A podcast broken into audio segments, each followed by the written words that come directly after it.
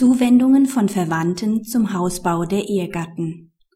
Hat ein Ehegatte von Verwandten im Wege der Schenkung Geldbeträge erhalten und diese zur Finanzierung eines Hausbaus eingesetzt, so sind diese nur zur Hälfte dem Anfangsvermögen des Ehegatten zuzurechnen, wenn das Grundstück im hälftigen Miteigentum des Ehegatten steht.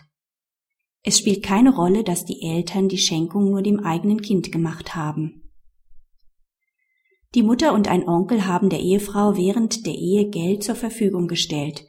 Dieses wurde größtenteils für den Ausbau eines Eigenheims der Eheleute, welches im hälftigen Miteigentum der Eheleute steht, verwendet. Gestritten wird unter anderem über die Berücksichtigung der Zuwendungen in den jeweiligen Anfangsvermögen. Die Ehefrau begehrt die volle Zurechnung an ihrem Anfangsvermögen, der Ehemann die hälftige bei beiden Ehegatten, weil auch er beschenkt worden sei.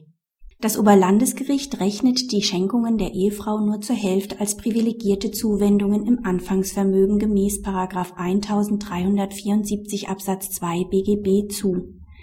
Es kommt dabei nicht darauf an, an wen und in welcher Absicht geschenkt worden ist. Entscheidend ist, dass die Gelder zur Finanzierung des gemeinsamen Hauses verwandt wurden.